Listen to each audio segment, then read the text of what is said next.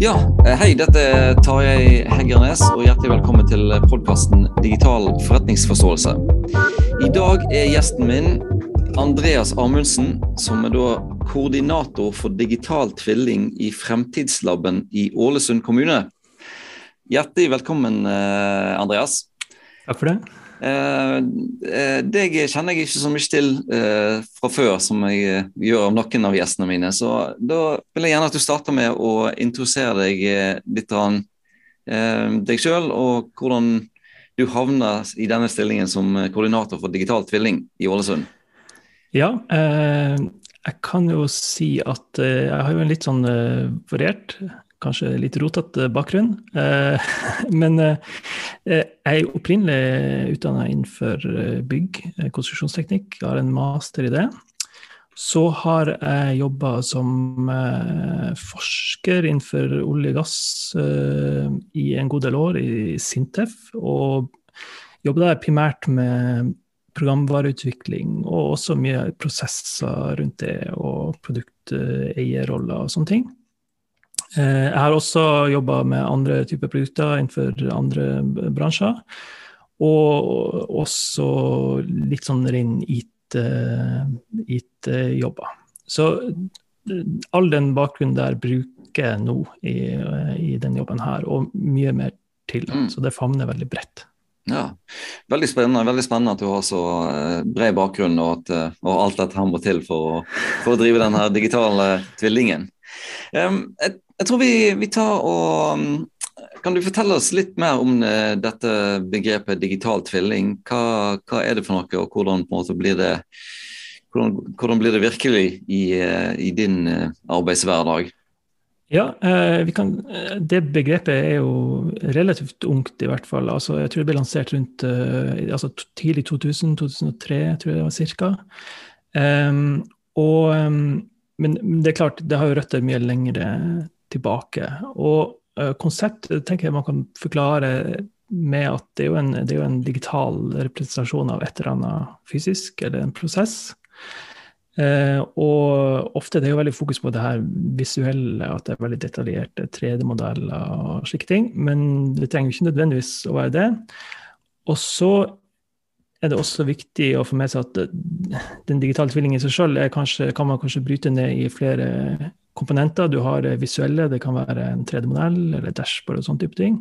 Men så må du jo ha data som strømmer fra det fysiske til det digitale. Og så må du som regel ha noen modeller som lar deg tolke eller få mer verdi ut av dataen. For data i seg sjøl, å sitte og se på grafer, gir det kanskje ikke så veldig mye. Så de, de tre tingene, altså visualisering eh, og data og modeller til sammen eh, gir en digital tvilling. Mm. Og så skal jo et eller annet gå tilbake til det fysiske, og hva er det?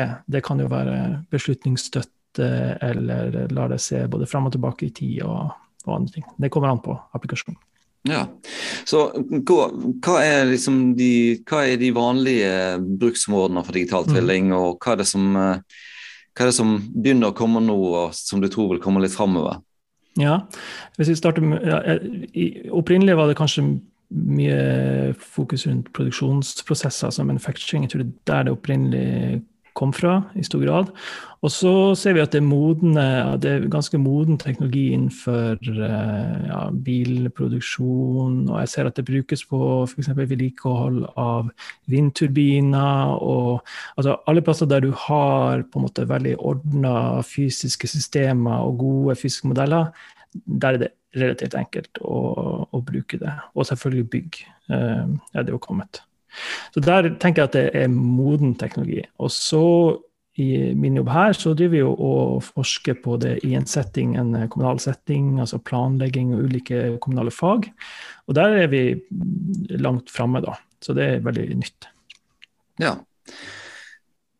Um, så er det jo uh, Ålesund er jo en sånn smartby, eller har en smartby. Det smart, det er en smart by. Det er mange smarte byer i Norge etter, etter hvert. Uh, men um, hva er det som egentlig er Hva er din definisjon av en smart by? Uh, og hva er formålet med at Ålesund har blitt en svart, smart by? Hvem skal, det, hvem, skal det, hvem skal det være til nytte for? Jeg tenker at, at eh, Smartbybegrepet er jo veldig bredt, sånn som jeg ser det. Men eh, for meg så er det at uh, man tar i bruk nye datakilder for å lage nye digitale tjenester som er, nyttige for innbyggerne. Og det er jo dem som er brukerne eller kundene våre til, til syvende og sist. Og Så kan man sikkert diskutere hvor langt har Ålesund kommune kommet inn i den reisen her. Det, vi, er, si, vi er litt sånn midt oppi det. Det er veldig mye som skjer akkurat nå. Og det er flere grunner til det. Det har jo med at uh, teknologi er blitt billig nok, og vi har leverandører som kan levere ulike deler av det her. Uh, og ikke minst IOT og sensorikk og sånne type ting. Um, så vi er på en måte akkurat i en sånn der en, en periode der det skjer veldig mye. Og du begynner å se eksemplene vil komme ganske raskt nå. Um, så, eh, men eh, en kommune er så mangt, og det er så stort, og det er så mange fagområder, så man må nesten konsentrere seg om ett Jeg snakker om dem en, en, en mm. av dem i gangen, da, tenker jeg. Mm.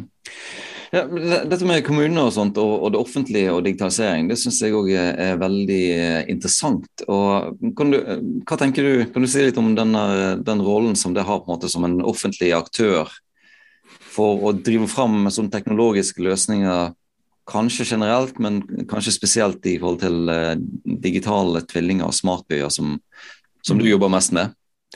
Jeg tenker Uansett hva man utvikler, så er det nyttig å være så nær brukeren som mulig. Og der er jo kommunen uh, siste instans uh, for innbyggeren. Så jeg føler jo at den type kompetanse på digitalisering bør ligge egentlig så langt nede som mulig og helt ute i fagene også. Og når jeg sier fag, så mener jeg altså vann og avløp, eh, bygg, helsetjenester. At man har den kompetansen til å se muligheten eh, ganske langt nede i organisasjonen.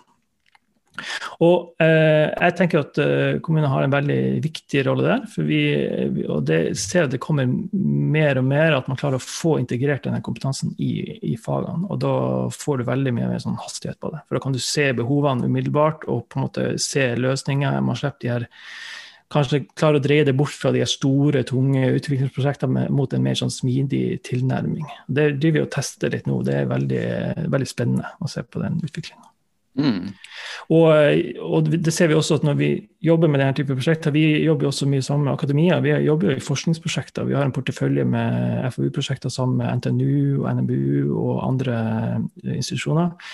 Eh, og vi ligger veldig langt framme. Så vi treffer sånne utfordring, grunnleggende utfordringer tidlig. Og, og, det er viktig at vi gjør det her, tenker jeg, og, og har en eh, direkte kontakt med Digitaliseringsdirektoratet og andre aktører som, som, trenger å få vite om de tingene og få tilbakemelding om det. Mm.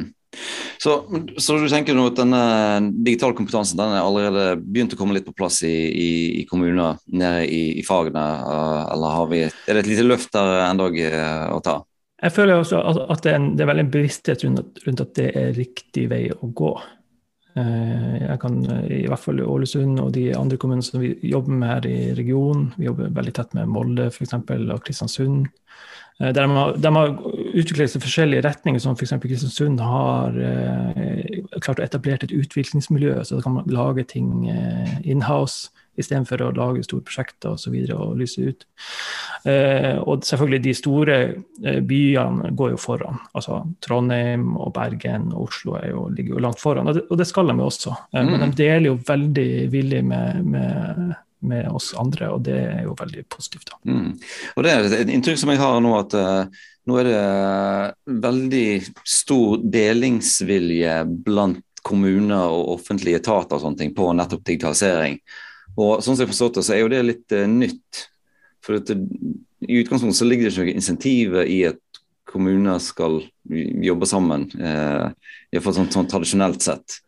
Men uh, at jeg nå har, har, funnet ut at det faktisk er så Du blir ikke belønnet for det, men du, får, uh, du kommer deg lenger fram raskere hvis du samarbeider, enn hvis du skal utvikle alt på, på egen hånd. Absolutt. og det, Jeg var veldig positivt overraska når jeg starta her i kommunen og jobba i ca. et år, og hvor, hvor bra den der delingskulturen egentlig var mellom mm. kommuner. og og det har skjedd, bare det siste året har det skjedd en veldig sånn dreining, sånn som jeg ser i hvert fall i noen av de prosjektene vi har. Du ser at man skjønner at man, hvor nyttig det er å, å kommunisere, unnskyld, å, å, samarbeide på tvers av fagområdene i kommunen. For det tradisjonelt er det ikke kanskje så mye kultur for det. Nei. Selv om at prosesser går på tvers av ulike avdelinger, så samarbeider man ikke om den digitale reisen, f.eks., mm. til en byggesak. Ja. Veldig bra. Du, eh, jeg tenkte vi skulle gå litt, eh, litt teknologisk til verst. Ikke sånn kjempekomplisert, men hva, sånn på nivå, hva er egentlig den teknologiske infrastrukturen som eh, du trenger for en sånn smart by? Eller for å mm. gjøre by smart, eller egentlig et område smart som ikke nødvendigvis altså Et fysisk område smart som ikke nødvendigvis er i en by. Eh, da tenker vi på sensorer og kommunikasjon og, og sånne ting. Ja, ja. Eh, man må jo ha Nå er vi inne på den datasida av den digitale tvillingen, eh, mm. som er på en måte Den er jo Altså, det må du ha. Eh, og det er kanskje det som er den største utfordringen. Eh, de andre mm. tingene vi snakker om, på en måte man kan utvikle modeller og man kan visualisere, og sånn, men hvis du ikke har en god infrastruktur i bunnen, så kommer du ikke dit. Og der jobber det er liksom litt, vi jobber langs litt forskjellige akser, og, men kjernen i det er jo en eller annen eh, plattform, en eller annen arkitektur for å håndtere data. Og mange snakker jo om, om, eh, om datasjø, eh, men det finnes jo andre typer løsninger på det. Og det er noe som vi Vi har ikke etablert noe endelig der, men det er vi i ferd med å pilotere ulike løsninger. Og i en sånn plattform så ligger det veldig mye, bl.a. Altså, håndtering av data, og ikke minst deling av data ut, som har mye mer fokus nå. For det, ok, hvem er det som er brukerne? Det er internt, og det er innbyggere, og det er akademia, men det er også næring, som, altså eksterne, som vil lage tjenester på toppen av dataene våre. Mm. Uh, og det kan jo være så mangt. Et eksempel kan jo være uh, altså sensorer som er implementert i vann og avløp, at noen eksterne vil, lage modeller for å finne lekkasjer og sånne ting. Så, men hvis vi skal få til det, så må vi kunne dele. Så det er en del av en sånn plattform. Ja. Og alt det her med tilgangsstyring, personvern er jo selvfølgelig kjempeviktig. Uh, så i bunnen må du ha en dataplattform. Og så eh, har vi jo eh, alle de her sensorene. og altså Vi har eksterne og interne datakilder. De eksterne er jo, eh, ja, for å nevne et eksempel, det kan jo være målinger fra Statens vegvesen, det kan være vær og vind. Eh, og ikke minst ja, mobildata, teledata og sånne ting. Um, og så er det internt uh, det vi instrumenterer opp, og der kan man jo skille mellom det som vi har allerede. altså kommunen Alle kommuner har jo masse kontrollsystem som samler data fra bygg og vann og avløp og andre uh, ting. Uh, og så er det jo nye ting som kommer til. Altså IOT, altså sensor, sensorikk. Og da har du ulike teknologier igjen. Da må du se på ja, LoRa-nettverk og andre typer teknologier. Eh, kan du, kan du forklare litt hva LoRa-nettverk er for noe? Ja, eh, LoRa, altså Når man snakker om IOT, så må de, de dingsene som skal måle ting, de må kommunisere på et eller annet vis. Mm. Og Der er det forskjellige typer teknologi.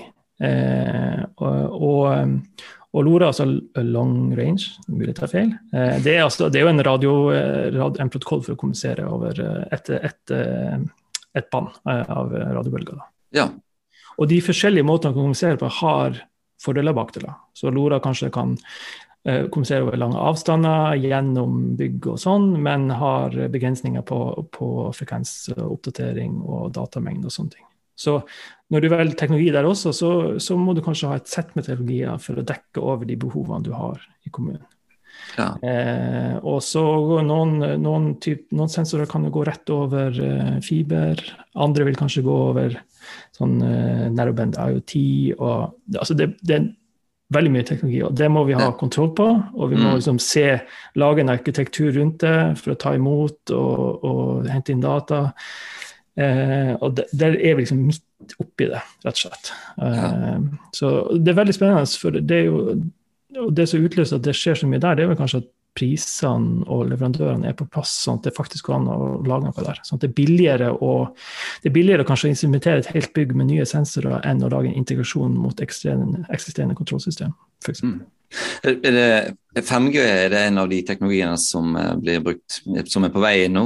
Sånn, Riktig, ja. Hvor, hvor, viktig vil det være? Tar den over for en del andre kommunikasjonsgreier, eller blir den i tillegg, eller hva, hvordan ja. blir det?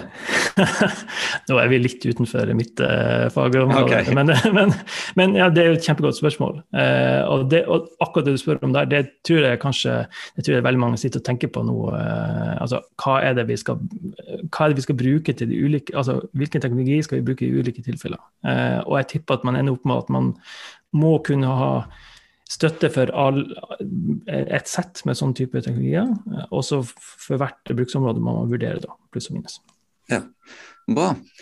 Um, har du noe, noe, vil, noe har, har jeg lyst på litt sånne eh, eksempler fra Ålesund. Eh, mm. hva, hva, er det det har fått til? Eh, kan du, kan du kort forklare hvordan, eh, hvordan uh, Ålesund er en smart by, og så kanskje om du har noen um, eksempler på, på hvordan, hva, hva, ting det har fått til med den smartbyen. Mm. Og, og en, en, sånn liten utfordring Du, du snakket om modeller tidligere. sant? Ja. Kan, du, kan, du, knytte noen modell, altså kan du forklare det modellerbegrepet i forhold til noen av de tjenestene der som du skal Mm. Eh, fortelle oss noe om i, som, som du har fått til i Ålesund. Ja. ja. Um, jeg tenker et veldig sånn konkret eksempel som kanskje er lett, og, lett å forstå. Det er det som er gjort innenfor uh, vann og avløp. Uh, der har man hatt et forskningsprosjekt som har gått ganske lenge. Man liksom var veldig tidlig ute egentlig å etablere et sånn FoU-prosjekt sammen med NTNU her i Ålesund. Som jeg syns er veldig imponerende, det man har fått til der. Så eh, altså vann og avløp, kan jeg si om det først for vann, I hele Norge så er det en veldig stor utfordring knytta til, til, et sånn aldrende nettverk og vannlekkasjer. og det, jo, det henger sammen med bærekraft. Jeg jobber her i Framtidslaben i Ålesund kommune, og vi er opptatt av bærekraft. Og det er en av de største utfordringene som Kommune-Norge har. En av dem. Eh, og der har eh, Ålesund og NTNU jobba sammen i en god stund nå med å etablere en digital tvilling av, av eh, vann og avløp.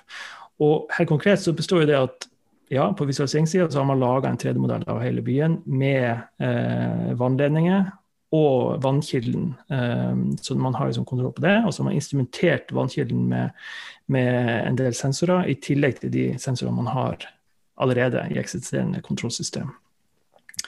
Um, så det er på en måte den visuelle modellen og alle sånn metadata rundt, uh, rundt rør og sånn.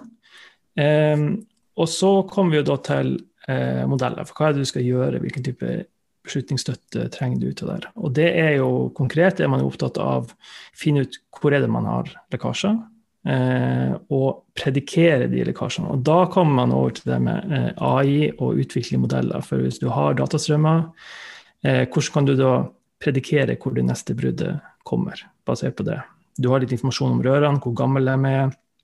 Du ser på trykkdata eh, og andre ting, og mater inn og, og lærer opp en sånn eh, liten eh, AI-applikasjon til å predikere brudd. Så det kan være en helt sånn konkret eh, mm. Eh, anvendelse. Veldig bra. Og de, de har jobba med flere ting også, bl.a. å se på hele ledningsnettet og se på hvor, hva er kritikaliteten i ulike deler. Altså hvilket, hvis det går uh, der dette røret ryker her, så vil hele ledningsnettet gå ned. Så man kan liksom gradere hele ledningsnettet ut ifra kritikalitet. I tillegg så har vi jo begynt å se på smarte vannmålere. Der har uh, det akkurat, Molde driver akkurat og kjører en piloten, så vi har et prosjekt sammen med dem. Det er veldig spennende å se hva de får til der. Uh, smarte vannmålere over Lora og, og, begynne å se på hvordan man kan gå igjen. De prøver å lage en sånn pilot og se hvordan det her kan brukes helt fram til innbygger. F.eks. at du kan få faktura for vannmåleren din direkte fra den smarte vannmåleren. Så det, ja, det, det, er veldig liksom, interessant. Det blir liksom de strøm, strømmålerne som de AMS bare på vann? Ikke sant, nemlig. Ja. Eh, og det er jo veldig spennende. Eh, men og interessant, så den der, jeg syns det er interessant den der eh, personvernaspektet der. altså, ja. et sånt datasett, sånn, altså Hvis du har vannmåleren og strømmåleren i et hus, så vet du ekstremt mye om dem som bor der. Ja, det gjør du. Eh, det man, men det er ikke så åpenbart. Altså, så det her med Eh, å kombinere datasett for å få informasjon ut, og reidentifisering og sånne ting, det er noe man må ha i bakhodet hele tida, og som vi må ha kompetanse på. Mm. Det, det syns jeg var veldig spennende. Det var godt forklart med det der med, med en modell. Så, men vann og avløp det er jo både vann, vannet og avløpet. Så at hvis, sånn, Helt enkelt forklart, det er sånn okay, denne type rør som er så og så gamle, de mm. pleier å ryke etter så og så lenge, ja. gitt at det er så og så stor vannmengde som går igjennom de. Ja. Og da er det liksom det som er, det er, det som er modellen som analyserer dataene og trener seg opp og sier at ok, da tror vi at her har vi en prioritert rekkefølge på hva slags rør som må skiftes ut i, i hvilken rekkefølge og sånne ting. Ikke sant. Så hvis man kan få litt, uh, litt uh, støtte rundt de avgjørelsene der, så er det kjempebra. Mm. Så det blir jo veldig spennende å se. Det er jo et forskningsprosjekt, så jeg er veldig spent på å se hva de, hva de får ut av det. Mm. Ja, eh, hvis du på en måte ser litt fram, hva slags ting, som, hva ting ser du at uh, Ålesund kan få til med Smartbyen, som er litt sånn i startgropen, eller som, mm. som det som på en måte diskuteres som kanskje litt før startgropen? Kan, en, noe som du har veldig lyst til å få, få til? Ja, jeg kan nå eh, nevne i hvert fall, Vi har noen forskningsprosjekter som er definert som, eller som, som er starta, som vi jobber med. og Det er jo veldig sånn langsiktig og veldig, der vi ligger veldig langt framme, sånn som jeg ser det. Eh, og Det er jo det som går på bruk av digitale verktøy og digital tvilling i, i eh, planprosesser. Og det er veldig et stort og komplisert eh, tema. Ehm, så, der jobber vi eh, med et prosjekt som heter eh, Smartplan, som, som vi starta for ca. et eh, år siden. Ehm, så det er én ting. Og så har vi definert flere sånne prosjekt som har støtte fra Forskningsrådet, også i samarbeid med andre kommuner. Um, som, som, vi jobber med. Og Det er innenfor tema plan, og det er bærekraft, uh, og det er liksom nye digitale verktøy og, og modeller. Mm. Uh, og modeller i den sammenhengen kan f.eks. være uh, Vi har eh, med oss uh, noen som forsker på det her med grønn infrastruktur og biomangfold. Det er jo et, et, tema som er veldig aktuelt i Norge i dag. Man hører snakk om at man liksom mister grønne arealer og biologisk mangfold. Men det er veldig få modeller som faktisk måler det. Og de brukes kanskje ikke i, i sånne planprosesser. Så mm. det er ett tema som vi jobber med. Mm. Kan, du bare, kan, du bare, si litt for, for, oss som ikke jobber i kommunen. Et eksempel på en planprosess, er det som du nevnte nå, det er mm. planlegging og vedlikehold av grøntarealer i en by. Er det en er det et godt eksempel? Ja, planprosesser er det, det, må jeg også si at når jeg jobber med mye forskjellig, men uh, dette er det mest kompliserte jeg har vært borti. Altså, altså skjønne hele det systemet. Og det må jo være komplekst, for det er jo masse, altså, du skal ta inn over det utrolig mye. Men en planprosess er jo det er forskjellige nivå. Og det er, gjerne, det er jo styrt også gjennom altså Kommunene må forholde seg til lov og regler for hva de skal gjøre. Og man skal ha visse planer og, som skal gjennomføres sånn og sånn. Eh, og, men for å ta ett eksempel, så er det jo arealplaner. Det er jo hva er det vi skal bruke ulike areal til. Altså skal det mm. være bygg, og, eller skal det være næring og, og andre ting. Og implisitt gjennom sånne planer så, planer så styrer det jo veldig mye. Det styrer jo hvordan transporten skal gå, altså hvordan folk skal bevege seg i kommunen mellom hjem og, og, og, og sånne ting. Så man, mm. de har jo veldig stor innvirkning. Eh, så det er jo et, på et høyt nivå. Og så har man også planer på tvers av kommuner. Eh, så f.eks. vi har en eh, interkommunal temaplan nå som det jobbes med rundt klima, areal og transport med andre kommuner i nærheten rundt uh, Ålesund. Og det er jo for at vi har et felles system. Det er jo ett system med transport og jobber på tvers av kommunene, så man må se det, den helheten. da. Mm. Så, og så har vi det klassiske, altså helt ned på detaljregulering av en, et bygg. Det er jo også ja. Så da, da, tenkte jeg ok, hvis, det, hvis vi nå lager et uh, nytt kjøpesenter uh, fem mil utenfor Ålesund, mm. uh, kan det da, da, er det da, Hvis du bruker en modell, så kan du da modellere ulike konsekvenser som dette kan få for mm. både Ålesund og utenfor i forhold til transport og, og kanskje bosetting og er det, det, er litt sånn, det, Dette høres jo veldig komplekst ut, men er det, ja. er, er det, den type ting? Nettopp, ja. ja. Uh, og, og, det er veldig, veldig komplekst. Men altså, sånn som du sier, altså, hvis du, altså, det er ekstreme tilfeller hvis du lar regulere at alle, alle boligene skal ligge på den ene siden av byen, og all næring skal være utenfor byen, så sier du egentlig at ok, da skal alle dere pendle. Mm. Og samtidig ikke legge til rette for, for uh, kollektivtransport og sånne ting. Da sier du at ok, dere skal pendle dit. Så et mm. eksempel fra den plan, denne her, uh, klima- og transportplanen er jo at man har uh, gjort noen Og der bruker man faktisk jeg tror for første gang liksom, digitale kart og digitale portaler, så at politikerne bruker det i planprosessen. Og Da har man gjort sånn enkle analyser. Man har sett på f.eks. ok, hvor er det vi har regulert boliger i, eh, i regionen, og hvor er det vi planlegger, og, og, hvor er alle skolene. Og Så kan man liksom analysere ok, hva er gangavstanden fra de nye boligfeltene. Og Da ser man veldig tydelig at ok, hvis du putter boliger der, så må alle de foreldrene til ungene kjøre ungene på barnehage og skole og sånn. Så man må se helheten. altså det er veldig mm. sånn, Alt henger sammen med. Så, i, eh, så, så, det som jeg hører nå, det er at det er egentlig to ting. Det ene er kanskje litt på monitorering av, av byen og, og, og, se på, på tilstanden. Eh, mm. Og at den blir på en måte overført til den eh, digitale modellen. Og det andre er å, å få bedre beslutningsgrunnlag. Altså du kan, du, kan, du kan, få bedre tilbakemelding på ulike scenarioer som eh, er med i en, eh, i en, planprosess. Ja, helt riktig. Ja, ja, Flott. Vet du hva, Dette var kjempespennende, du Andreas. Eh, jeg, dette kunne jeg snakket eh, lenge om, men eh, jeg tror vi skal, jeg tror vi skal runde av her. Eh, har du noen siste, siste oppfordringer til til eh, om det er kommuner eller om det er virksomheter som, eh, som tenker på å jobbe litt mer med, med digitale tvillinger? Eh, ja, nei, altså Dere må bare ta kontakt med oss først og fremst, og vite om vi deler selvfølgelig som vi snakker om, alle våre erfaringer som vi har så langt. Så snakk med andre. Og, og det her med å ha det her brukerfokus, og hvem, hvem er det vi skal lage det for? Eh, og, og tenke at det skal være Og ikke gå i litt den felle at det er så teknologifokus. Altså, her er den flotte teknologien, hva skal vi gjøre med det? Du må snu litt på det. ok, Hvem er det vi skal gjøre det her for? Eh, det kan være næring, det kan være innbyggere eller internt i kommunen. Å ha den vinklinga på det tror jeg er veldig viktig. Mm. Flott. Tusen takk for at du stilte her i denne, denne podkastepisoden med meg, Andreas. Og tusen takk til alle som lytter på episoden. Takk for meg. Yes, Ha det bra.